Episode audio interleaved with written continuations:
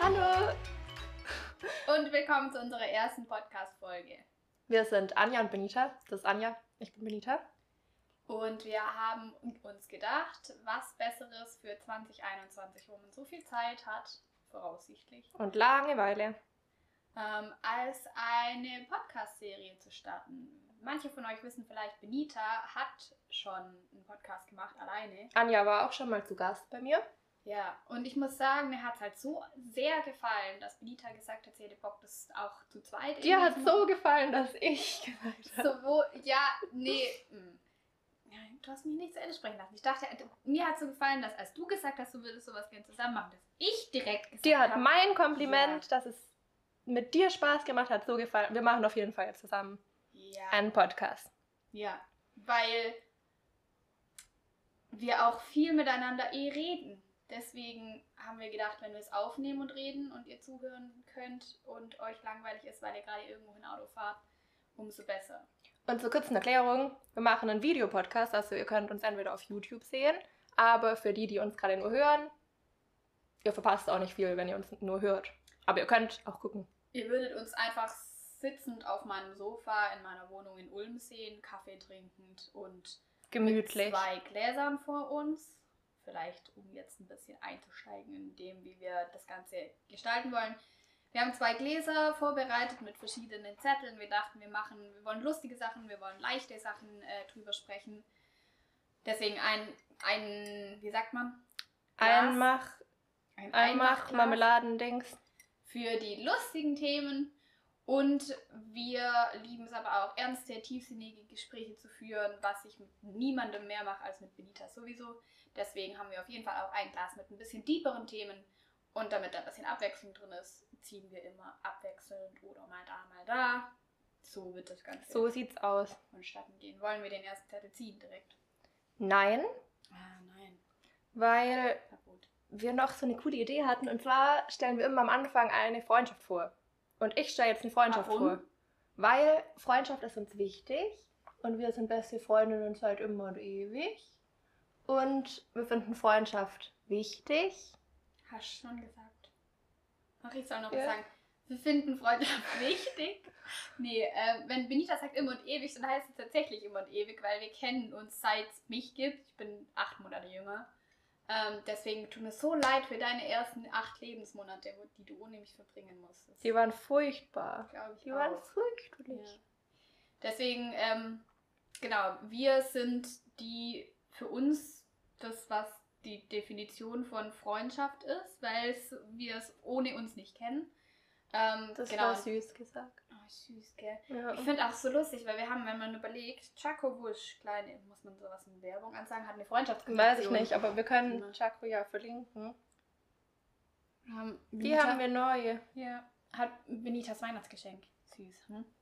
Ähm, also für alle, die uns gerade nicht sehen, Jaco Wusch hat eine Freundschaftskollektion von ihrem Schmuck rausgebracht mit einer mit zwei Ketten. Ich habe Die- einen Mond und Anja hat eine Sonne. Und die passen, zueinander. Ja, wie so ein Puzzle. Was lustig ist, weil wir haben als Kinder schon immer so aus Kaugummi-Automaten und so. So richtig hässliche, so aber. Best Friend Puzzlestücke oder so zerteilte Herzen oder sowas immer schon. Und ich so erinnere mich auch noch, dass mein Bruder mich mal furchtbar ausgelacht hat, weil ich auf der Autofahrt, als wir zu Anja gefahren sind, geheult habe, weil ich gesagt habe, ich habe meinen halben Stein zu Hause vergessen und wir müssen umdrehen und den noch holen. Und meine Eltern so, oh, ist es so wichtig, müssen wir wirklich deinen halben Stein holen? Für was brauchst du den? Und ich so, ja, der passt mit Anjas halben Stein zusammen und wir spielen da immer sowas, dass es zusammenpasst. Das war so. wichtig. Immer wenn man die vereint hat, die Steine, dann hat das Kräfte. Irgendwelche Kräfte, so. das war Ja, irgend so ein Fantasy-Ding, was wir gespielt haben. war wichtig. Auf jeden Fall hat mein Bruder sich so richtig aufgeregt auf der Autofahrt und hat so gesagt, so, ja genau, ich muss auch nach Hause, ich habe ein halbes Blatt vergessen, ich habe einen halben Stock vergessen. Ja, Ja, unsere Freundschaftsketten gedacht- wurden manchmal nicht so ernst genommen. Deswegen haben wir gedacht, wir heben diese Freundschaftsketten-Sache jetzt aufs Next Level und machen das so, wie Erwachsene das machen. Und das ist einfach eine Kette, die man auch tragen kann, wenn man. die auch schön ist und nicht riesig Ja, und man kann sie auch tragen, wenn man einfach ein alleiniger Mensch ist. Und das ist dann nicht so ein halbes Wort. Ja, da steht dann nicht nur so best ohne Oder Friend. St okay. Also Ja, deine die Freundschaft, Freundschaften. die du hast. Genau. Also ich beschreibe eine Freundschaft, die ich cool finde. Und zwar ist es die Freundschaft? Das musst du nicht raten, oder? Nee, ich erzähle die dir einfach. Boah, ich hätte ja keine Ahnung. Aber ja. Nee, ich erzähle dir einfach. Also, es handelt sich um die Freundschaft von Sherlock Holmes und Dr. Watson. Und ich finde die Freundschaft mega geil,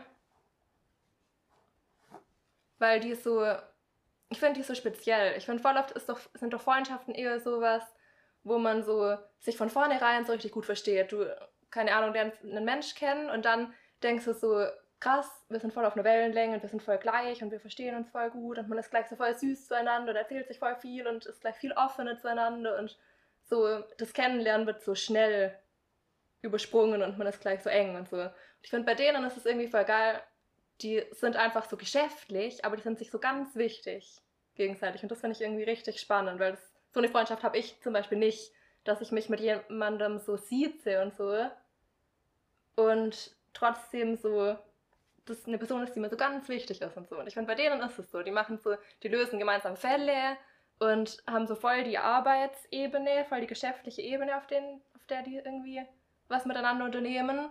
Und trotzdem finde ich, merkt man doch so, das sind so die wichtigsten Personen für sich und so. Und ich finde es richtig süß. Ähm, ja, die Freundschaft finde ich übelst cool. Im Deutschen siezen die sich dann halt auch so und sind immer so ganz höflich und so ganz, weißt du? Und dann trotzdem dissen die sich, aber so auf so eine süße Art und so. Ja, aber ich finde es auch voll lustig, weil ich glaube, die würden es ja aber auch unter keinen Umständen zugeben, dass sie sich mögen oder brauchen. Ja, das finde ich so witzig daran. Und du merkst es halt immer in so manchen so Situationen, ja, dass ja. sie sich eigentlich so voll beschützen möchten und so alles füreinander tun würden und so. Aber sich halt trotzdem so siezen und so tun, als ob sie sich eigentlich so gar nicht leiden können. Als wäre das so der nervige Nachbar von nebenan, der blöde Doktor von da und so. Mhm. Das finde ich richtig cool. Mhm. Ja, das war die erste Freundschaft, an die ich gedacht habe, als ich an Freundschaften gedacht habe.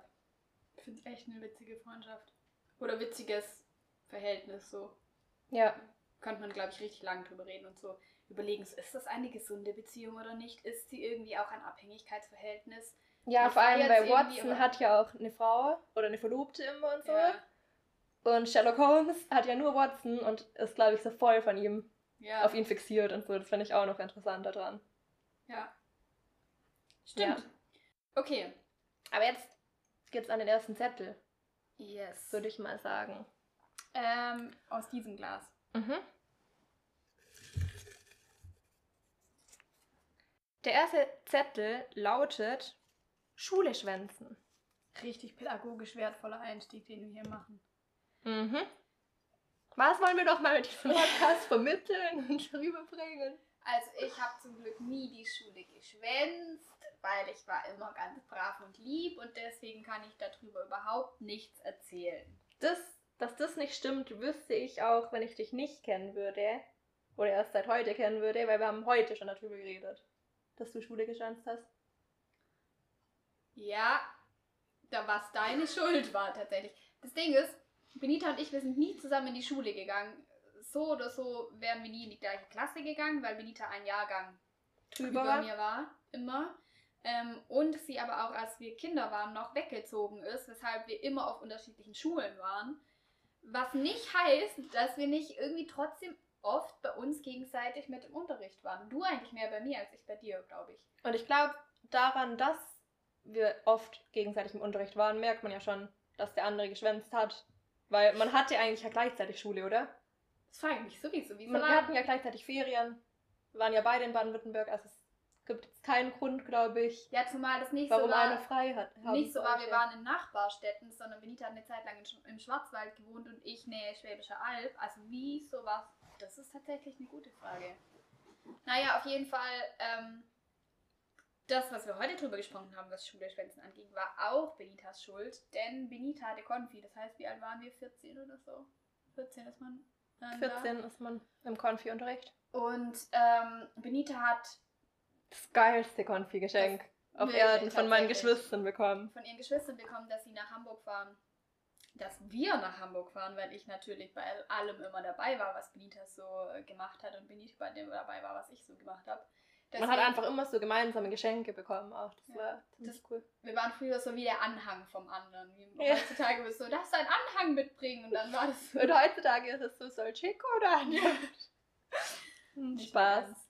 Aber ähm, genau, und das Nita wurde eingeladen, nach Hamburg zu fahren mit ihren Geschwistern ähm, für das Musical Tarzan. Und ähm, damit sich das lohnt, fährt man natürlich nicht an einem Tag hin und zurück, sondern wir wa- waren dort ein ganzes Wochenende und sind Freitagmorgens, glaube ich, losgefahren. Mhm. Und das war halt ungeschickt, weil das war zwar, ich war- erinnere mich, es war ziemlich am Ende vom Schuljahr, da ging auch nicht mehr viel, es war so vor den Sommerferien. Ähm, allerdings ähm, halt an einem Freitag, wo noch Schule war. Und ähm, dann sind wir losgefahren und ich weiß auch gar nicht, warum meine Eltern nicht einfach, also es wäre bestimmt kein Problem gewesen, der Schule anzurufen. und Ja, zu fragen, so wie ich so vorbildlich gefragt habe. Ja, ich weiß nicht, warum wir das bei mir nicht gemacht haben. Bei Benita hat man einfach das abgecheckt mit der Schule. Hat gesagt, hey, die hat was zur Konfi gekriegt, einen Ausflug, einen Wochenendsausflug. Ähm, deswegen ein Tag halt Schule nicht, was voll okay gewesen wäre. Irgendwie haben meine Eltern und ich und wir alle gedacht, das ist ja nicht meine Konfi, sondern ich bin ihre Begleitung. Deswegen geht diese Ja, stimmt, wahrscheinlich deswegen. durch. Nach der Ich hab Konf keine kriegt man doch eh irgendwie mal einen Tag frei oder so. Ich, Keine ich habe Ahnung. keine Ahnung, warum, das, warum wir das bei mir nicht gemacht haben. Auf jeden Fall hieß es so, ach, du kannst schon einen Tag fehlen, bis du halt einen Tag krank war. Ein Freitag war nichts Besonderes, war nicht schlimm. Ähm, und ich hatte auch dann zu einer Freundin, da hatte ich gesagt, so, hey, wenn irgendwie nach mir gefragt wird, kannst du mich ja krank melden und so und passt. Und ähm, ich weiß noch, das war gerade die Zeit, da hatte man, glaube ich, Aldi Talk, die Flat, wo man für zwei Ja. Cent an andere Aldi Talk Leute Ja, und an die anderen aber um SMS 5 Cent oder so. ja, und dann hat man nämlich deswegen auch angefangen, so pausenlos, wie man heute hat, WhatsApp pausenlos schreibt, das damals So viel mehr zu schreiben, ja. Ähm, und da hatte ich halt dann ähm, Kontakt mit mehreren und unter anderem mit Tobi, der in meiner Klasse war. Ähm, und dem ich das auch erzählt habe, dass wir nach Hamburg gehen. Und ich hatte mich total gefreut und ähm, er hat so gesagt, oh, das ist ja richtig cool und keine Ahnung. Aber irgendwie hatte ich gedacht, es ist offensichtlich, dass Du da nicht sein ich darfst. nicht jetzt sagen muss, dass ich deswegen Schule schwänze, weil es war ja offensichtlich, er war in der Schule und ich war nicht dort, dass ich nicht in der Schule bin. Auf jeden Fall unsere Klassenlehrerin, die, wo man schon sagen muss, die hat mich nicht so gern gemocht. Wahrscheinlich Ähm, wegen dem anderen Schwänzen, oder? Ja, ich glaube, ich war ein bisschen frech manchmal und vorlaut und faul. Naja, andere Geschichte. Auf jeden Fall hat die dann morgens eben nachgefragt, wo ich bin. Meine Freundin hat äh, ganz brav gesagt, ach ja, die Anja ist krank. Und der Tobi sagt so, von hinten ruft er, ah, echt? Ich dachte, Anja ist in Hamburg. Ja, und dann habe ich, ei, ich habe das nächste Mal, als ich in die Schule kam, ich musste mir sowas anhören. Ich habe so derbe Anschluss bekommen von der Lehrerin, die mich eh schon nicht leiden konnte. Das, und ich, was soll ich machen? Ich stand da und habe es über mich ergehen lassen, weil es war ja völlig zurecht. Ähm, ja. Ja, aber ich finde, das Schwänzen ist eigentlich noch so ganz nett, weil du hast ja nicht deine Eltern oder so angelogen. Sondern deine Eltern wussten ja, dass du einfach in Hamburg chillst. Es war eigentlich nur so den Lehrern gegenüber nicht so nett. Aber bist du manchmal auch so von der Schule weggegangen für eine Stunde und so einfach oder so? Ja. Ich glaube Ja? schon. Ja. Aber ich finde nicht so viel wie du. Ich finde, du bist einfach immer nicht. Hattest du nicht irgendeine Abmachung mit irgendeinem Lehrer, dass solange du nicht in den Ja. Unterricht von ihm kommst, dass du dann dafür Ja, das war richtig schlimm. Das war, glaube ich, die achte Klasse. Ich habe mich mit dem so krass verstritten, dass wir ausgemacht haben, dass es für uns beide besser ist, wenn wir uns einfach nicht sehen. Und dann haben wir einfach ausgemacht, ich bekomme eine 4, wenn ich mich nicht blicken lasse und wenn ich niemand davon erzähle. Hiermit gebrochen, aber heute habe ich ja auch kein Das war Zeugnis mehr. bestimmt ein richtig guter Lehrer, kann ich mir richtig gut vorstellen. Wenn Ich hatte allgemein ziemlich gute Lehrer. Grüße gehen raus an meine guten Lehrer, die nicht wollten, dass ich da bin. Und weshalb ich jetzt auch kein Bio und kein EBG kann. Also Erdkunde und Bio. Zum Glück ist Anja Biologentochter und kann das ausgleichen, was ich alles verpasst habe, indem ich nie im Bio-Unterricht war. Hm, ja, So viel Okay. zum Thema Schwänzen. so viel zum Thema Schwänzen. Lass den nächsten Zettel ziehen, oder? Ja. Spannung. Spannung. Spannung. Spannung. Nächster Zettel. Gemeinsam versus Alone Time heißt der nächste Zettel. Gemeinsam. Gemeinschaft. Ja, oder Gemeinschaft, Gemeinsamkeit, Zweisamkeit versus Alone Time. Ich glaube, man versteht, was damit gemeint ist. Ja. Ein Thema, das sehr gut passt zu dieser ganzen Corona-Zeit. Mhm. Und jetzt gerade über Weihnachten, da hatte man wieder ein bisschen mehr ähm, gemeinsame Zeit. Weihnachten, Silvester, so. Aber grundsätzlich, Alone Time passt ziemlich gut zum letzten Jahr. Übel. Bei, bei mir sowieso, ich finde, weil ich ausgezogen bin letztes Jahr und dann halt. Diese neue Wohnung hier von Ja. Anja, die ihr seht, wenn ihr uns zuguckt. Ja. Äh, ich bin hier eingezogen im April 2020 und das war halt so dieses. Wir haben es gerade noch so im Lockdown vor dem ersten Lockdown alles hingemacht. Wir sind. Wir haben, waren vier Leute zum Umzug in den vierten Stock hoch. War richtig cool ähm, für die Leute, die mein Klavier zum Beispiel hochgetragen haben. So, äh, Grüße gehen Ich fand es gerade schlimm genug, hier hochzulaufen, alleine, so mit der Kamera. Ähm, und dann war natürlich das äh, erstmal so dieses, ich dachte, yay, ich ziehe vom Land in eine nächstgrößere Stadt, cool, ich kann hier ultra viel feiern und Leute sehen und Dinge tun und ich habe nichts getan. Seit Klein Anja hat sich getäuscht. Ich habe die Stadt nicht, nicht kennengelernt bisher, weil es einfach nichts gibt und man nichts machen kann. Schön hier. Ja, ähm, hm. deswegen macht das übel Sinn. Und klar, ja, jetzt war gerade aktuell, finde ich schon voll der große ähm, Ding, weil ja jetzt der zweite Lockdown ist. Ich finde es halt krass, dass man gerade an Weihnachten diese kleine Erleichterung oder Lockerung der Mhm. Regeln, finde ich, hat man schon voll zu schätzen gewusst, da, die Leute, die man dann gesehen hat. Ja. Und ich mir denke, okay, das waren keine anderen Leute. Ich zum Beispiel habe jetzt nicht so eine große Verwandtschaft. Die Leute, die ich gesehen habe, die durch die Regeln auch funktioniert hat, dass wir uns auch gleich treffen wie die sonstigen Jahre eigentlich, ähm, war ich die letzten Jahre ja jetzt nicht übermäßig dankbar dafür, weil es halt voll normal war. Man, es war Ja, so klar, am stimmt. ersten Weihnachtsfeiertag macht man das, am zweiten macht man das. Und dieses Jahr ich es voll zu schätzen wusste, wen man da gesehen hat und mit wem man gefeiert hat, weil Mhm. man es nicht selbstverständlich war, dass man sich mit denen treffen darf. Das fand ich voll krass und habe ich voll extrem wahrgenommen, dass man viel dankbarer ist und die Zeit Ja. zu schätzen weiß mit anderen. Ja, so geht es mir selbst heute.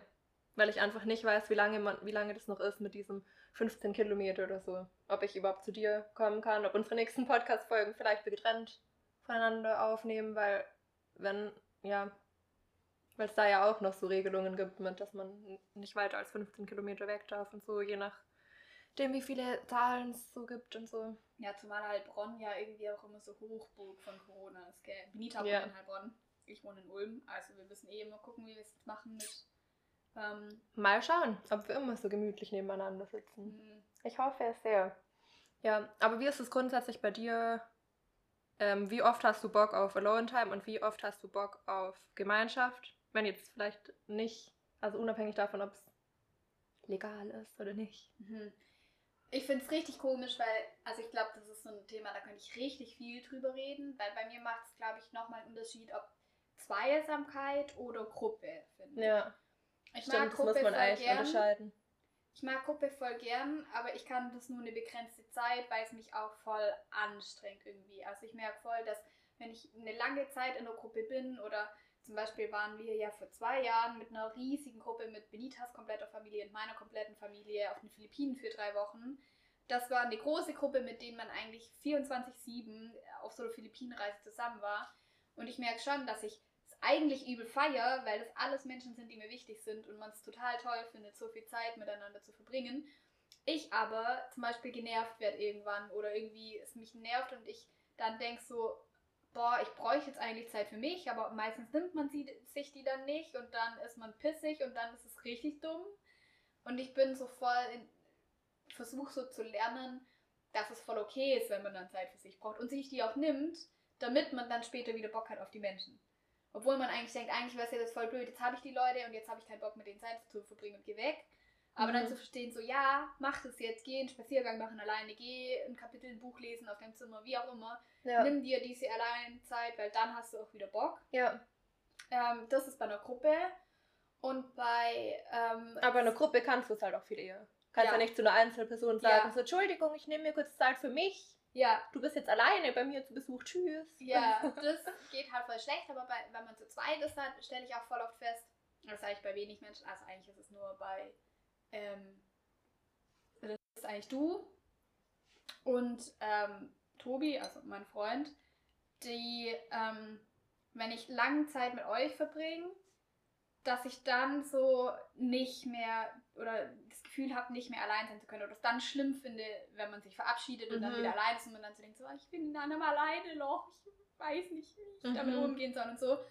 Und das finde ich viel schwieriger, weil dann möchte ich mir die Alleinzeit nicht nehmen. Das heißt aber nicht, dass ich die nicht trotzdem bräuchte. Ja. Ich mache es aber nicht und das finde ich ist halt richtig gefährlich, weil dann geht man sich schon ein bisschen auf den Sack, aber ich denke so, ich kann auch nicht allein sein. Und da Ja. immer dann dieses sich zwingen zu sagen, hey, ich bin jetzt wieder allein, weil nach ein paar Stunden oder nach einem Tag bist du auch wieder dran gewöhnt und dann Mhm. passt es auch wieder. Das finde ich ähm, viel herausfordernder. ja, das stimmt. Ähm, ja, deswegen glaube ich, ich bin grundsätzlich schon jemand, der viel Alleinzeit braucht. Mhm. Ähm, Gerade habe ich in Übermengen, ich glaube, das ist auch nicht gut. Ich merke, dass ich viel zu viel allein bin. Mhm. Ähm, aber ich kann mich auch gut allein beschäftigen, weil ich kreativ bin, mir fallen viele Dinge an. Ich kann mich viel länger, glaube ich, beschäftigen als viele andere alleine. Ähm, und gerade ist aber halt so ein Extrem, wo ich denke, okay, ja, ähm, gerade weil kann ich es auch fast nicht mehr zu schätzen wissen, dass man viel Zeit und Alleinzeit hat. Weil, Mhm. ja. Ja, aber da frage ich mich irgendwie, also bei mir ist auch so dieses mich alleine beschäftigen, das liebe ich so richtig arg. Also das finde ich halt so wirklich was vom Coolsten am Tag, wenn ich so weiß, so zwei Stunden, wo ich so machen darf, was ich will. Und ich finde es war auch als Kind voll oft so, dass wenn meine Freundinnen gegangen sind, ich so dachte, ja schade, war schön mit denen, aber alleine spielen, wie geil und so. Also was ist so, ich fand es schon immer eigentlich ziemlich cool. Aber ich frage mich so ein bisschen, ich denke immer oder ich unterschätze, glaube immer, diese, diese Kontakte mit so fremderen Leuten. Also ich denke immer so, ich brauche meine wichtigen Freunde und Familie und allein sein. Aber ich glaube, ich finde voll viele haben jetzt während Corona so festgestellt, dass sie sowas vermissen wie mit dem Nachbar auf der Straße noch ein bisschen reden, so vorm Haus. Und mit dem Pfarrer im Dorf noch mal kurz länger nach der Gemeinde noch mal reden. Oder, keine Ahnung, mit irgendjemand, weißt du, so, man darf ja jetzt immer, man, muss, man geht ja schnell in irgendwelche Läden, holt mit der Maske kurz, was man braucht. Es dürfen nur zwei Leute in den Laden rein, dann unterhältst du dich ja nicht Mhm. im Laden noch und so. Und ich finde, das sagen voll viele, dass denen so diese sozialen Kontakte voll fehlen, obwohl man die nie wertgeschätzt hat, weil man so eher dachte, so, oh, nervig, jetzt will noch jemand mit mir auf der Straße reden und so. Ja. Aber dann vermisst man es doch, weil diese Einsamkeit dann so in einem hochkommt, die man gar nicht. Ja, übel. kennt. Stimmt, man vermisst dann auch so Leute, zum Beispiel auf so Dorffesten oder so. Du, die siehst du immer nur an diesen gleichen Festen. Ja, so Ähm, dreimal im Jahr siehst du und du die, sind dachtest- auch nicht deine Freunde. Ja, du dachtest zum einen nicht, dass dir diese Feste besonders wichtig sind, sondern dass man halt hingegangen Man geht halt hin, ja. Und dann auch die Leute, die man da gesehen hat, mit denen hat man halt so dumm rumgeschwätzt, hat ein bisschen was getrunken, es war so witzig und man hätte aber nie gedacht, dass man diese Leute dann vermisst und sich jetzt einfach denkt, hey, ich hätte richtig Lust mit, weiß ich nicht wem, Mhm. irgendjemanden Bekannten, den du halt immer nur auf diesen Festen siehst, mal wieder dumm rumzulabern, nicht mal wichtige Gespräche. Ich finde, das war nach der Schulzeit doch auch so. Man dachte sich so, ja, ich habe doch meine drei Freunde für immer und so. Weiterhin, so die Mhm. wichtigsten Schulfreunde und so. Und dann so nach dem Abi und so dachte man sich irgendwann immer so, "Ah, schade, in der Pause habe ich doch immer mit dem und dem geredet. Aber nur in der Schule, in der Pause, das ist ja voll schade. Ich kenne den gar nicht Ja. mehr und so. Ja, oder man hat nicht zu schätzen gewusst, was es eigentlich wert ist, dass man die Leute jeden Tag um sich rum hat. Also ja, das auch. einfach seine Klasse. So. Man Ja, denkt so, hä, das auch. voll verrückt eigentlich. Dass das auch einfach nie, du wirst nie wieder was haben, wo das annähernd so ist. Also klar, dann hat man irgendwie Studium, wo es vielleicht noch ein bisschen ähnlich ist. Aber je nachdem, was man studiert, hat man halt auch unterschiedliche Kurse. Mhm. Du wächst nicht so miteinander auf, sondern du bist eigentlich schon relativ gereift, weißt, wo du hin willst und so. Mhm. Und dann im Arbeitsleben, finde ich, ist es eh Ja. anders. Aber ich hoffe irgendwie, dass Corona eher großteils mit sich bringt, dass man danach das Ganze mehr schätzt und auch Bock hat auf Gemeinschaft. Weil ich kann mir auch voll gut vorstellen, dass man irgendwann so nur noch sich immer mehr daran gewöhnt und dass man dann auch so Gemeinschaft anstrengend findet, weil man muss immer Kompromisse machen. Und was wollen jetzt alle essen? Muss man sich einigen? Welchen Film schauen wir? Und sowas, so diese Sachen. Und ich finde, da ist man heutzutage so voll oft so, man denkt so, ich will jetzt einfach für mich entscheiden, was ich mache und so. Nicht anpassungsfähig. Ja, und dann hat man keinen Bock, sich bei allem anzupassen und dann so sich ein Badezimmer zu teilen und so. Wenn jemand länger zu Besuch ist und sowas. Und ich finde, das ist eigentlich schade, weil Gemeinschaft halt voll wichtig ist. Ja, man so ich ein paar halt, Opfer dafür bringen muss halt. Ja, ich bin jetzt gerade, denke ich mir immer so, ja, sobald man wieder Dinge machen darf, werde ich ja für alles so richtig dankbar sein und diese Richtig ganzen Bock Sachen, auch haben. Ja, und und so. diese ganzen Sachen auch alle in Kauf nehmen und so. Und ich hoffe halt, dass es auch wirklich so ist, weil was, wenn es dann so ist, dass ich denke, boah, ich dann letztendlich, wenn es soweit ist, kann ich mich gar nicht drauf einlassen, habe mich so gewöhnt an die, das, wie es jetzt ist, dass das das normale, neue ist Mhm. und man nicht und man einfach weiterhin Kontakte eher meidet, weil Aus Bequemlichkeit auch man so. ja, weil man es so jetzt gewohnt ist, dass es jetzt so ist und man deswegen dann auch merkt, oh, diese ganzen Kompromisse, die man eingeht oder die den mehr Aufwand, weil ich dann Ja, abends noch zwei, dahin St- fahren ja, muss. zwei Stunden jemanden Besuch, also zu Ja, jemandem Besuch zu fahren, man- anstatt ein Zoom-Meeting zu starten. Ja, dass oder man so. das dann nicht macht, weil weil es einem das dann doch letztendlich nicht wert ist. Das finde ich richtig schlimm, wenn das passiert. Also Ja. ich hoffe es nicht und ich glaube es eigentlich auch nicht. Ähm, aber du weißt es ja nicht. Ja. Ich finde bei dir fände ich es noch voll spannend zu wissen, wie es bei dir ist, weil ich finde, du bist verheiratet und du wohnst ja mit jemandem zusammen. Ich finde das schon nochmal voll der Unterschied zu mir, weil ich einfach eine eigene Wohnung habe, wo ich Ja. alleine bin. Ähm, findest du überhaupt, dass du Alleinzeit hast? Hat man Alleinzeit, wenn man mit seinem Partner immer zusammen wohnt oder geht man sich auf den Sack oder kannst du dir die Alleinzeit nehmen, die du brauchst, gerade jetzt mit Homeoffice und so? Ich finde, ja, ich wollte gerade sagen, ich finde eher seit Corona nicht so arg. Weil, ähm, also wir sind in der, wir sind kurz vor der ganzen Corona-Geschichte, sind wir zwar umgezogen und haben ein Zimmer mehr. Und das finde ich macht schon voll viel Unterschied, dass du einfach ein Zimmer hast und das gehst du, wenn du was alleine machen willst. Finde ich schon viel cooler und das brauche ich, Mhm. glaube ich, auch, obwohl ich voll der Gemeinschaftsmensch bin. Ähm, aber ich finde schon, dass es voll den Unterschied macht, ähm, wenn beide den ganzen Tag zu Hause sind. Weil eine Zeit lang war es halt auch so, dass ich nur Studentin war und Chico gearbeitet hat, wusste ich einfach so, ich kann den ganzen Tag machen, was ich möchte, bis 17 Uhr oder so, wenn er wieder kommt. Und da ist auch zum Beispiel der erste Podcast entstanden, weil da konnte ich einfach stundenlang so, ohne dass jemand laut ist oder so, einfach irgendwas aufnehmen, ohne dass jemand reinredet oder so. Und ich finde, das macht jetzt schon voll den Unterschied. Vor allem beim Singen macht es bei mir voll den Unterschied, weil ich immer nicht so Gesangsübungen und so lalala für mich hin machen will, wenn ich so weiß, jemand sitzt so ein paar Meter daneben und hat noch ein Meeting und alle Arbeitskollegen hören noch, wie ich so, Wuhu! so Gesangsübungen mache. Wuhu! Ja, deswegen, ich finde, es macht schon einen Unterschied. Man hat schon, finde ich, manchmal Bock für bestimmte Dinge, so zu wissen, so niemand ist jetzt Mhm. da und stört irgendwie. Aber ich finde es halt grundsätzlich voll cool, weil man so, ja, dadurch, dass man endlich immer zusammen ist in einer Wohnung, dadurch finde ich, kann man halt auch viel mehr so sagen, so, cool, das machen wir jetzt so intensiv zusammen und das macht jetzt jeder alleine, was er Bock hat und so. Ich Mhm. finde, man ist viel freier da drin. Früher, wenn wir uns halt besucht haben, hat man sich so auf sich gefreut, dass man dann auch alles gemeinsam gemacht hat. Mhm. Boah, kommt voll drauf an. Ja, übel. Ich glaube, es kann übel herausfordernd sein, zu, zu sagen, jetzt bin ich die ganze Zeit mit der Person und jetzt nehme ich mir trotzdem die Alleinzeit, so, weil ich weiß, dass ich das muss. Ja. Oder dann halt so zum Denken, so, ja, aber jetzt nutze ich die Zeit auch wieder bewusst und intensiv, die ich mit der Person habe und es dann nicht so ein nebeneinander herleben wird. So. Also ja, ich glaube, das ist passiert ganz vielen gerade während der Corona-Zeit. Dass sie so sagen, wir haben keine coolen Erlebnisse ge- gemeinsam, weil wir gehen ja nirgends zusammen hin und erleben was Mhm. krasses, sondern wir haben immer nebeneinander herleben, aber gehen Mhm. uns auf den Sack, weil wir einfach Nicht auch mal. niemand so, weggeht und so. Ja, ja, kann ich mir übel vorstellen. Das ist, glaube ich, schon voll schwierig. Ja, Okay. lass, lass mal den nächsten Zettel ziehen, oder? Ja, einen, einen lustigen. Soll ich einen, weißt du, einen was ich- richtig witzigen? Ich, ich Ja. fühle mal, welcher ganz witzig ist. Aber ich finde es auch übel herausfordernd, dass wir nicht, dass wir normal Ah, sprechen der ist- miteinander. Der Benita ist nicht, nicht. feste. Passt. Ja, passt. Mach mal. Ist nicht ultra witzig, sei denn du hast eine richtig witzige Story auf Lager, aber. Man könnte halt jetzt so Suff-Geschichten auspacken. Nee. Aber ich finde vor allem, man kann, könnte halt jetzt drüber sprechen, der Feste. Das waren halt gerade Festige. Es waren gerade Feste, aber ich denke ja da jetzt eher an diese ganzen Feste, die halt jetzt nicht mehr stattfinden. Ja, weil ja. Corona. Also man könnte jetzt einfach eine. Weißt du noch damals oder weißt du, wie Früher das war alles besser als wir Feste. Ja. Weißt du noch, wie das war, als du betrunken in dein Bett gelegen bist? Und Ich dachte gerade so, ey, hast du schon mal betrunken in dein Bett gekotzt? Oder was kommt jetzt? nee, Ja, aber in den Mülleimer. ja und was davor. fandst du herausfordernd?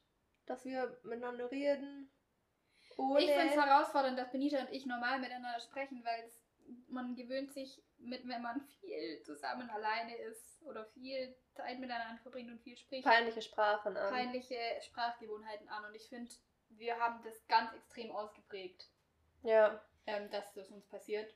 Ja, und wir tun gerade richtig seriös. Ich glaube, das nur, weil das die erste Folge ist, reden wir so ganz erwachsen und Ja, wenn, ja, aber anders wäre es auch wirklich nicht zeigbar. Wir könnten nicht oder hörbar, wenn wir wirklich so sprechen würden, was wir für Sprachangewohnheiten gerade haben. Das wäre wirklich schlimm. ja. Und ich manchmal merke ich, ich muss ins Übergangsding Sachen setzen, die man sagt, dass ich ultra mich konzentrieren muss, dass ich nicht sage, hast recht, die ganze Zeit. Hast wirklich recht. Ja, eben. Ähm, Okay, zurück zu Festen. Ja, Thema Feste.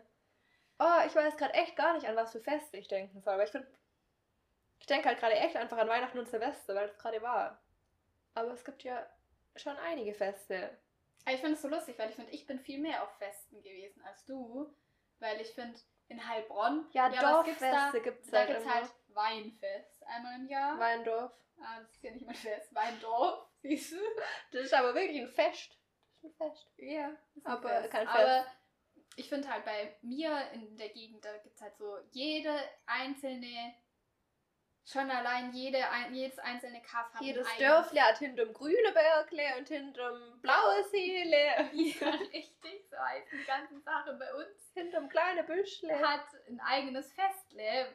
An jedem Ding, also jedes Kaff hat einen eigenen Fasching, jedes Kaff hat ein eigenes Halloween-Fest, jedes Kaff hat einen eigenen Hock, also im Sommer, diese Sommerfeste, diese, wie nennen Ja, und so? Höhenfeuer und so. Ja, ich finde macht immer irgendein Feuer und das ist dann ein Fest. Und dann erfindet ihr irgendwie so Sachen, damit ihr feiern könnt, obwohl es gar nichts zu feiern gibt. Ja, das, ich finde, ich dachte eigentlich immer, das war mir früher nicht so bewusst, dass das wirklich, dass man früher jedes Wochenende, obwohl wir auf dem Dorf waren, ein Fest gab, weil jedes. Ja, gerade wegen Dorf. Ja, eben, weil wirklich jedes Kaff dann eben, also gerade in der Faschingszeit, man war, also ich bin da auch nicht ganz so wie meine Freundinnen, die wissen, die sind halt wirklich in den krass krassen Käffern. Ich finde, gingen, also da wo ich herkomme, ist fast noch eine riesige Stadt mit 4000 Einwohnern. War das so was anderes. Außerdem war das auch im anderen Tal, also das Tal nebenan. Das heißt, ich war eigentlich schon fremd. Ähm, Im Vergleich Das widerspricht dem, was ich mir gerade schon zurechtgelegt habe, was ich gleich sage, aber egal. Weil ich war 10 Kilometer entfernt von den ganzen Käffern, in denen immer die ganzen Feste waren. Das heißt, man hat mich auch immer gefragt, wo ich eigentlich herkomme, weil ursprünglich und so. Und ich so, ja, hier von 10 Kilometern, die ist echt, du sprichst auch so anders. Ich so, ja, ich spreche halt nicht das breiteste Schwäbisch, aber ich bin schon von hier und so. Ähm, ja, aber die wissen das auch immer, dass immer zum Beispiel am 3. Mai-Wochenende immer in diesem Kaff dies, also die wissen den Plan, die haben den schon im Kopf, Mhm. so wie so alte Frauen auch immer wissen, wann welcher Heiligentag oder so, das wissen doch so alte Omas immer so, Ja. heute ist der heilige St. Petrus oder keine Ahnung. So wissen meine Freundinnen auch, an welchen Wochenenden welche Dorffeste sind. Ja. Und Aber ich fand das es früher, ich fand es früher immer richtig, dachte ich mir so, was ist denn mit euch? Und ich seit Corona, ich feiere es übel, weil ich mir so denke, hey ja, auf jedes eurer Feste möchte ich gehen. Äh, Ja, dazu wollte ich nämlich sagen, ich finde das mit den Festen, weil ich finde wirklich in so Dorfgegenden gibt es einfach tausend Feste. Und ich finde, das ist der Beweis dafür, dass Chico nicht recht hat und der Name von Freudenstadt auch nicht recht hat, sondern dass Freudenstadt ein Dorf ist. So wie ich schon immer sage, obwohl in dem Namen enthalten ist Freudenstadt. Aber ich habe halt mal in Freudenstadt gewohnt und ich finde, da gab es jede Woche war irgendwas so aufgebaut auf dem Marktplatz und man dachte so, hä? Jetzt schon Weihnachtsmarkt. Ah nee, das ist wegen Düdüdü-Fest. Ah, jetzt ist Afrika-Fest. Ah, jetzt ist. Also es ist so immer von irgendwelchen Feiertagen, die es nicht mal gibt, die nicht, wo man nicht mal frei hat. Aber es war einfach immer, der Marktplatz war so aufgebaut wie so irgendwelche Stände und so. Mhm. Und man hat so irgendwas gefeiert und ich dachte immer so, hä? Woher habt ihr denn die ganzen Gründe? Ich finde es ja irgendwie cool, Gründe zum Feiern zu haben, aber irgendwie, die sind alle erfunden und erlogen. Das finde ich halt so krass. Da, ich finde, man hat da vor Corona nicht drüber nachgedacht, dass das ja auch immer Aufwand ist. Mhm. dass jedes Fest muss es immer irgendeinen Hauptverantwortlichen geben oder irgendjemand, der dafür verantwortlich ist, dass das alles aufgebaut wird, Mhm. der oft, was man auch selber ja nicht mitbekommt, man geht da ja nur hin, der auch wirklich wochenlang oder manchmal das ganze Jahr über damit Vorbereitungen trifft für Mhm. dieses eine Fest im Jahr. Ja. Und das hat dann jedes Wochenende irgendjemand von irgendeinem Verein oder von irgendwelchen Mhm. Veranstaltern halt bei diesen Festen. Ja. Und ich dachte mir immer früher so, boah, Alter, da hätte ich überhaupt keinen Bock drauf. Hätte ich doch keinen Bock drauf für einen so einen Tag im Jahr, was nur so, nur so ein Dorffest ist, ähm, so viel Arbeit mir zu machen. Mhm. Und jetzt denke ich mir so, hä? Ich bin so dankbar, dass die Leute sich diese Arbeit gemacht haben. Und was, wenn die nach Corona denen auch mal auffällt, dass es ein viel zu großer Aufwand ist und dass sie es nicht mehr machen? Das richtig Hoffentlich hören die gerade nicht diesen Podcast, weil sonst hättest du denen jetzt das mit dem Aufwand klar Ja. gemacht und die sollen das weitermachen. Ja, Leute, bitte nehmt diesen Aufwand auf euch. Ich komme zu Ja, und was mich noch Festen. richtig interessiert, ist noch so, weil man kann ja auch selber seinen Geburtstag feiern oder nicht. Das ist doch auch immer so ein Ding. Mit macht man ein Fest oder Ja, nicht, bei genau. was und so. Ich feiere meinen nie, weil ich finde, es ist zu viel Aufwand. Und genau Ja, das. Und das regt mich nämlich richtig auf, weil ich feiere inzwischen meinen Geburtstag, weil mir irgendwann aufgefallen ist, dass es ja voll geil ist, Gründe zum Feiern zu haben. Ja. Weil dann alle kommen, auf die du Bock hast, Ja. dass die mal kommen und so. Und deswegen, oder weil du auch dann so Sachen machen kannst, wie ich habe zum Beispiel einen Disney-Geburtstag gemacht mit einer Freundin, weil wir haben am gleichen Tag Geburtstag und feiern deswegen immer zusammen und deswegen alles voll Mhm. passend und cool. Und wir mögen halt auch immer so die gleichen Sachen und deswegen haben wir Disney und Super Mario Geburtstag gemacht und dann kommt noch Harry Potter und Avatar und so.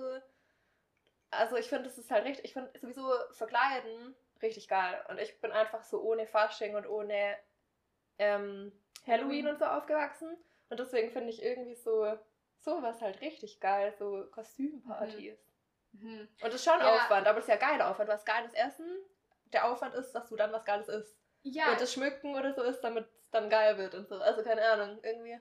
Ja, ich finde, ich kann mich da auch übel reinsteigern und so, wenn ich mir so Gedanken drüber mache, dann fände ich es auch voll sinnvoll, dass man es machen, dass man es auf sich nimmt. Wenn ich mir so denke, das kannst du ja mit allem machen. Ich finde zum Beispiel, es gibt auch so Familien, die machen an Weihnachten doch so alles voll übertrieben und machen so alles übel süß und packen alles sch- schön ein und machen so eine Überraschung. ja, so. den Zauber ja, den, den so. Zauber von Weihnachten. Und dann denke ich Mhm. mir immer so, ey, wie übertrieben. Aber es gibt halt dann auch die Familien, die ähm, so sagen, so, ja, also ich kauf dir das zu Weihnachten. Ach, bestellst dir einfach selber. Ich überweise dir das Geld. Ach ja, weißt du, wenn ich mir was bestelle, bestell dir du einfach auch was im gleichen Wert. Und dann, das gibt's halt dann auch, die so an gar, also aus So nicht mal mehr eine Schleife Ja, drin, sondern die es so. einfach so völlig praktisch zunichte machen, diese ganze Schenkerei und so, wo einem ja schon voll auf den Sack gehen kann. Mhm. Ähm, Ja, wir sind auch voll keine Geschenktypen, Anja und ich. Ja, aber das ich ist ein bisschen finde- schade. Ich ja, cool, ich wenn. Leute Ja, so sind. Ja. Eben, weil ich finde, natürlich ist es dann nicht mehr so cool Weihnachten, wie es das als Kind war, wenn du das draus machst, wenn du erwachsen bist Ja. aus Weihnachten. Ja. Du musst halt ein bisschen mehr Mühe dir geben, dass noch dieser Zauber aufrechterhalten bleibt, auch wenn Ja. du erwachsen bist und theoretisch verstehst, dass es, was auch immer man halt als Mhm. Weihnachtskind glaubt, an wie auch immer. Ja, Oder man halt inzwischen auch sehr beschenkt und nicht nur beschenkt wird. Das war natürlich cool als Kind. ja. Okay, das wir haben jetzt sehr lange über Feste Ja. geredet und nicht mal über Gründe für Feste und so. Ich finde, da hätte man auch noch ewig reden können, ähm, weil Feste ja auch voll oft so einen Grund haben. Also so christliche Feste und so. Aber wir sind jetzt schon sehr weit ausgeartet. Deswegen lass einen Zettel ziehen.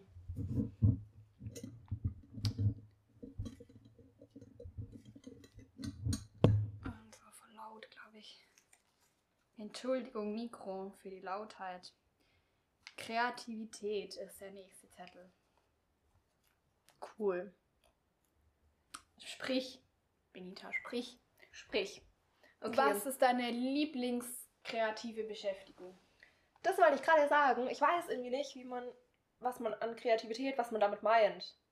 Weil ich finde, es gibt entweder diese Kreativität, es ist eine Beschäftigung, die ist kreativ. An das denke ich irgendwie immer eher. Mhm. So kreative, handarbeitliche, coole Mhm. Sachen und so. Basteln? Ja, basteln. Nein. Ich wollte gerade schon dir recht geben und dann hast du basteln. Ich finde, Basteln ist so das Schlimmste. Man will nicht eine Person sein, die bastelt. Weil Nein, heißt, man macht DIY. man macht Do it DIY. yourself. Wenn ich sage, ich bastel gerne, dann bedeutet das, ich schneide Dinge aus, die ich ans Fenster bepp. Ja, Laser. so Marienkäfer mit. Ja. ja. Aus Nie- Pappe. Ja, Ja, Ähm, deswegen nicht basteln, sondern DIY. Ja. Nee, aber bevor ich das vergesse, es gibt entweder so diese kreativen Beschäftigungen, Mhm. an die man denkt, oder es gibt Kreativität im Sinne von Gedankengänge, kreative Ideen, was ist so. Mhm. Und ich finde, es gibt so die Kreativität, ähm, so, lass dir mal was Kreatives einfallen jetzt. Ein kreativer Name für unseren Podcast zum Beispiel. Mhm. Oder so. Oder es gibt so dieses so, ja, mach mal was Kreatives. Okay, ich zeichne jetzt was. Weißt du, so. Und ich denke voll oft, weil Leute beschreiben mich immer so kreativ und sagen immer so, ja, das ist doch die, die macht ganz kreative Sachen und so. Dann denke ich halt so, ja, ich knüpfe vielleicht irgendwelche Armbändchen und dann, keine Ahnung, zeichne ich irgendwelche Sachen und so. Aber das sind so Beschäftigungen, die man kreativ nennt. Aber ich finde, voll oft habe ich gar nicht so eine ganz kreative Idee. Zum Beispiel manchmal macht man doch so Spiele, so Gemeinschaftsgesellschaftsspiele Mhm. und dann muss jeder so Reihum so einen ganz kreativen Satz formulieren und so. Und dann muss man immer so einen Satz vervollständigen oder so eine Geschichte weiter. Dings. Ja. Und dann denke ich immer schon so, boah, kreativ, ist dann wie anstrengend, da fällt mir nichts ein, es ist nicht witzig, was ich dann sage und so. Weißt du, ich meine? Ja, also das eine ist dieses kreative Gedankengut, das Ja. man hat, und das Mhm. andere ist sich kreativ beschäftigen. Ja, genau. Und Dinge beschäftigen. kreieren. Ja, genau, das mache ich ständig und das macht mir so Spaß. Aber wenn dann jemand so sagt, so, das ist ein witziges, kreatives Spiel, das spielen wir jetzt, dann denke ich so, oh, da muss man sich was überlegen und dann habe ich keinen Einfall und so. Ja, aber ich finde, es gibt ja schon richtig viele Dinge, wo beides kombiniert. Ja, wenn du was zeichnest, musst du dir schon noch überlegen, was. Ja, so. ich finde, es gibt zum Beispiel die Leute, die zeichnen und sind auch gut, Ja, aber die zeichnen immer nur ab, weil die keine e- eigenen Ideen haben, was die zeichnen. ja das ist bei mir wirklich nach. tatsächlich eher, glaub. Oder man ist so kreativ und es kommt einem ein Bild in den Kopf und dann muss man das zeichnen. Ja, Also die, das, den Gedanke, den man hat, der Kreative, löst dann die Handlung aus. ja, ja. Oder man ist inspiriert von was, was man sieht und führt das dann Mhm. sozusagen aus. Ich finde, das ist ein Unterschied, aber ich finde, es gibt schon voll viele Sachen, wo zum Beispiel Leute beide Eigenschaften haben, auch zum Beispiel, wenn sie. Es gibt kreative Schenker, finde ich. Ja. Die haben dann eine kreative Geschenkidee, Mhm. von der man die, die zum einen halt richtig irgendwie individuell, individuell auf die Person passt wo man es schon richtig cool findet. Ja. Ähm, und dann die Umsetzung, Die manchmal was noch Kreatives cool, ist, ja. was Cooles und dann ist es irgendwie noch kreativ und schön eingepackt oder so. Ja. Wo ich denke, das kombiniert zum Beispiel so alles. Und ich finde, das ist so die krasseste Ausprägung, weil sie halt so umfangreich oder so facettenreich ist, diese Kreativität. Und das Mhm. mag ich voll gerne an Menschen und ich finde, ich habe das manchmal und manchmal nicht. Ich finde, das ist voll. Ja, das ist übel situationsabhängig, finde ich schon auch. Und halt dann auch, wie so richtig kreative Leute natürlich auch sagen würden, ähm, ja, immer, wenn ich halt in der Stimmung dafür bin. Ja. Ist halt leider echt Das immer stimmt dass halt in dem Mut sein musst für Kreativität und dass dir deswegen nicht vier Wochen vor Weihnachten einfällt, sondern im Februar immer. Ja. Fallen an die besten Weihnachtsgeschenke. Ja, aber wirklich, deswegen denke ich, glaube ich, auch voll auf, dass ich nicht so kreativ bin, was so Ideen und sowas angeht. Weil ich so denke, ich mache zwar die ganze Zeit kreative Sachen, aber voll oft nicht so mit diesem, mit dieser Intuition und so. Ich setze mich jetzt vor ein leeres Papier und mal schauen, was passiert und so. Da bin ich halt gar nicht der Typ dafür. Sondern ich möchte so ein cooles Ergebnis haben von was, was ich so. Das habe ich schon auch im Kopf. Ist schon eine Idee aus dem Mhm. Kopf und die will ich dann umsetzen. Das ist ja schon auch kreativ. Mhm. Ähm, aber ich finde es irgendwie, voll viele haben dann echt so dieses so, es ist mir einfach so gekommen und dann musste ich das machen und das und das und so und das habe ich nicht so. arg. Aber ich glaube, man kann halt so unterschiedlich kreativ sein. Das finde ich richtig lustig, aber weißt du, wann ich zum Beispiel am, den kreativsten Gedankenflow habe? Wann? Und das finde ich immer so unangenehm, wenn ich einfach In der sitz- Dusche. Achso, nee. Nee, wenn ich einfach sitze. Und das passiert, das ist mir immer richtig unangenehm, weil Das ich passiert ja denk, bestimmt voll oft. Ja, ja, Jetzt gerade in. Corona. Nein, jetzt Gerade? ich- Nein, nicht jetzt gerade. Aber in Corona. Das ist mir jetzt richtig unangenehm, das zu sagen, weil ich bin ganz schlecht im Zugeben, wenn ich nicht produktiv bin. Also Hä, bin aber es liegt an der Langeweile ist- Ja, dann. auf jeden Wenn Fall. dir langweilig Weil du ist, sitzt bist du dann so, kreativ. ja. Wie hier, ich gerade auf diesem Sofa sitze, nur dass du nicht da bist und ich nichts zu kacken habe und ich Instagram schon 50 Mal durchgeguckt habe. Irgendwann legst du dieses fucking Handy weg, weil es dich aufregt. Und dann sitzt du da und dann geht es dir zwar richtig schlecht, weil du nicht beschäftigt bist. Und wenn du das kurz aushältst, dann hast du so Kopfkinos und überlegst du Mhm. Dinge und dann fallen dir Sachen ein und dann kriegst du Ideen und so. Und ich liebe das, wenn man dann das einfach so laufen lässt. Man und so guckt, Ja, wo die Gedanken hinführt hintragen, weil so. das ist richtig Ja. cool. Und das habe ich richtig oft, wenn man halt so wirklich gelangweilt ist und dann denke ich mir so, das ist so nervig, weil warum passiert mir das erst, wenn ich ganz lang zwanghaft versucht habe, mich zu beschäftigen? Wenn ich weiß, Ja. warum provoziere ich nicht das langweilig sein, damit ich öfters das habe, weil das macht mir richtig Spaß und oft komme ich dann an Ideen ran oder an irgendwelche Sachen, die übel Bock mir machen, auch in der Umsetzung. Und ich glaube, deswegen war man auch als Kind so ultra kreativ. Weil Ja. ich hatte so viel mehr Zeit als Kind, ja, wo ich dann auch einfach so da saß und so nichts hatte, was ich jetzt irgendwie ja. hätte umsetzen müssen Ich oder saß, können. auch, oder ja, ich saß auch als Kind schon richtig oft da und habe einfach nur mich hingestarrt. Und ich glaube, meine Eltern dachten immer so, ach, mit diesem Mädchen da ist Die irgendwie Hopfen und Malz verloren. Die guckt schon komisch. wieder seit 10 Minuten nur auf einen Punkt. Und ich hatte aber halt den cool, das coolste Kopfkino, wo ich irgendwas gespielt habe oder mir ausgemalt habe, wie irgendwas passiert. Aber ich finde, da hängt auch wieder Kreativität und Fantasie voll Ja. zusammen. Übel. Weil ich finde, da ist man wieder viel mehr bei den Gedanken als bei den bei der kreativen Umsetzung von ich zeichne gut Ja, oder so. Ich habe eine Fähigkeit, ja, schöne Sachen zu malen und so. ja. Und ich finde, das war ja auch früher als Kind hat man das immer schon gemerkt, dass ich finde, es gab auch andere Kinder im, in, im gleichen Alter, mit denen hat man gespielt, wenn man sich getroffen hat.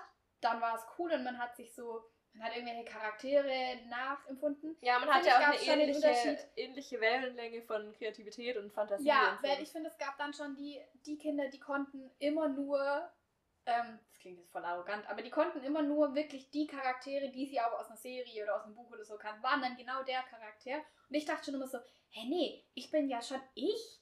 Also ich mache einen eigenen Charakter, bastel ich, der in der Geschichte mitspielt. ja. Aber der ist ich und aber halt noch alle coolen Sachen, die man so als Kind haben wollte. Aber ich habe ungern dann, wenn man, was weiß ich, Harry Potter gespielt hat ja, dann Dann warst du ich nicht Hermine, sondern du ja, warst. sondern ich war ich, habe mir Eine einen eigenen coolen Nach ja. Namen gegeben, habe mir ein eigenes Haus ausgewählt und habe mir einen eigenen Charakter gebastelt.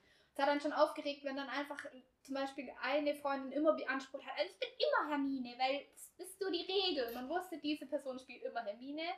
Und ich Ja. finde, dann gab es noch eine Steigerung zu, zu äh, Freunden, mit denen hat man nur was gemacht. Mit denen hat man gar nicht gespielt, sondern die haben immer schon von Anfang an nur Dinge gemacht. Also Ja. man hat dann gerade wie, weiß ich nicht, was macht man so? Man hat halt dann gezeichnet. Ja, oder. Das solche ja noch- Steckerle-Spiele ja, und so. oder Puzzle oder Puzzle. Spiel gespielt zum Beispiel. ja, oder so. fertige Spiele, die es gibt. Ja, Brettspiele gespielt, oder ja. so. Ähm, und das fand ich zum Beispiel schon immer richtig schlimm, weil ich mir so dachte, hey, lass doch einfach spielen gehen. Und so, die müssen nee, wir machen was. Und ich finde dann, das hatte ich als Kind gar nicht, dass ich irgendwann mal was gemacht habe. Ich habe nur gespielt.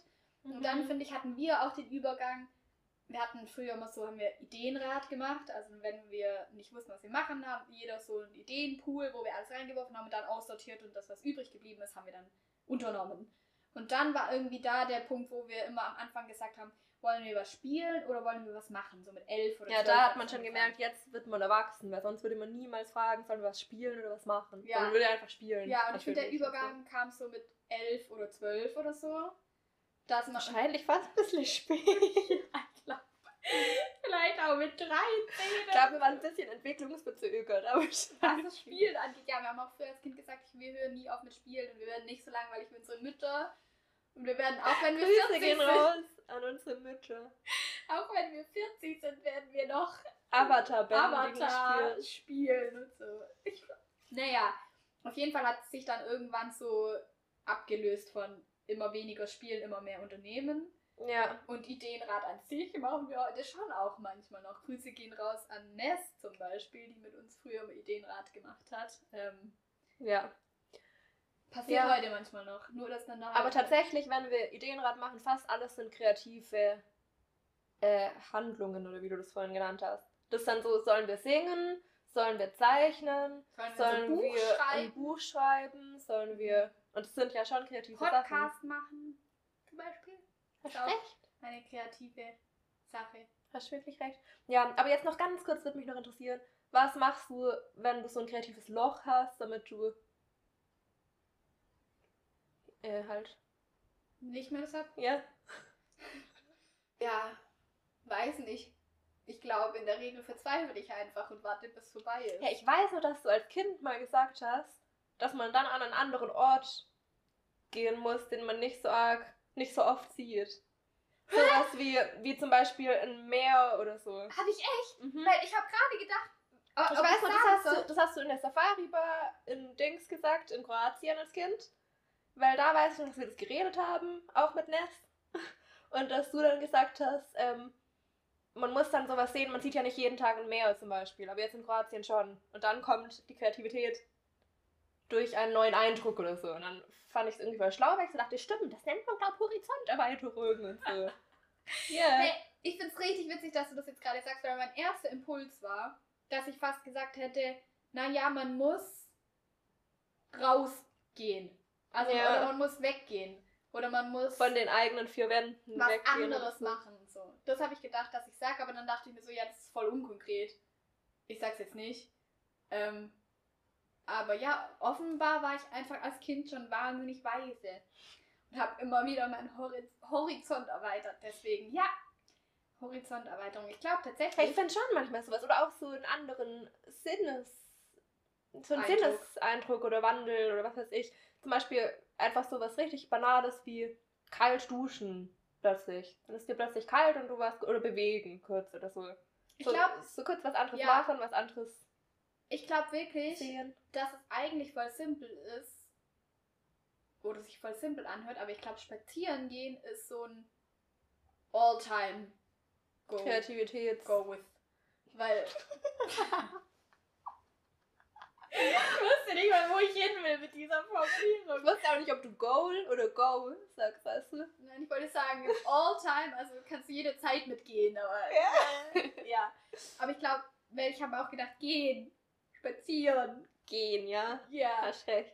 Aber ich glaube halt wirklich, weil wenn ich mir jetzt überlege, ich würde jetzt kreativ sein wollen oder ich würde mir ich würde ein Buch schreiben und würde mit der Handlung stecken bleiben oder so, dann bringt es mir nichts, wenn ich in meiner Wohnung bin, sondern am ehesten würde ich sagen, was müsste ich machen? Ich müsste jetzt gerade, es liegt draußen Schnee, es ist richtig geil, es schneit schon seit gestern durch, ähm, einen Schneespaziergang im Wald machen. Ja. Und dann einfach über meinen Charakter und über die, über die, an dem ich gerade irgendwie rumbastel oder an der Handlung oder sind es kreative Musikprozesse mit wie mache ich mein Content am besten? Was das machen ja voll viele so Leute, die irgendwie Lieder schreiben oder Bücher schreiben oder so. Dass die sich auch mal so an den Bahnhof setzen, wo ganz viele Leute zum Beispiel auch laufen. Gar nicht unbedingt, also ich finde manchmal dieses eher dieses, wie du gerade beschrieben hast, so im Wald und mit Schnee und Natur und so. Ich glaube, manchmal Natur aber auch so. bei mir halt richtig gut. Ja, aber ich glaube manchmal auch so dieses, man setzt sich auf eine Bank, wo viel Verkehr an Leuten ist oder so. Und dann siehst du einfach Leute, die irgendwas machen, die irgendwas tun, wie die sich verhalten. Also was ich finde, das hat auch so eine andere Art von Eindrücke, der glaube ich auch voll viel bringt. So Leute beobachten an einem Flughafen oder so. Da kriegst du auch ultra Ja, das glaube ich immer und ich finde, das ist immer so inspirierend, wenn man das in Filmen sieht. Zum Beispiel, ich liebe das, wenn Leute sich in einen Café setzen und da an ihrem Laptop arbeiten oder was schreiben oder so. Ja. Ich habe schon richtig oft vorgenommen, also wenn das gerade mit Corona möglich ist, sowas zu machen. Ja. Aber das zum Beispiel funktioniert für mich, glaube ich, nicht, weil ich einfach nur brutal abgelenkt wäre und nicht diesen tief, diese tiefe Konzentration bekommen und mich, weil ich mich so krass ablenken lasse oder weil es mir auch, ich kann mich dann nicht konzentrieren auf mich und auf meine Sache, sondern dann bin ich, das, und ich glaube, das ist das, was ich halt habe mit Gruppen. Ich bin dann am Beobachten Krass, weil das klappt bei mir voll gut. Also, dass ich so lange beobachte, wie ich möchte und mich ablenken lasse mit Absicht. Und dass ich dann entscheide, sobald ich weiß, was ich jetzt zum Beispiel weiter schreiben will oder so, dass ich dann so einen Schalter umlege und dann ist nur noch das da und dann vergesse ich die Welt um mich rum. Ich kann es so. Ja, das konnte ich nur in der Schule im Unterricht. ja, das nee. kann ich wirklich voll gut. Deswegen, mir hat es zum Beispiel auf den Philippinen, da gab es halt immer nur so, hattest du halt besonders gutes Internet so in irgendwelchen so, ähm, so. ja, oder so mhm. Cafés. Mhm. Und da habe ich voll oft so am Laptop was in einem Café gemacht, was ich in Deutschland irgendwie nie gemacht habe. Mhm. Und es hat mir schon voll geholfen. Dann habe ich so alle angeguckt um mich rum und dann hatte ich irgendwie eine Idee und dann konnte ich aber mich so wieder so umklicken und dann mhm. wieder der Laptop und ich so. Ich glaube, vielleicht ist es auch eine Gewohnheitssache. Vielleicht kann man sich das auch angewöhnen. Aber ich glaube, gerade bei sowas, wenn es um Kreativität geht, bin ich, glaube übel der Alleinzeit in mich zurückziehe. Mhm.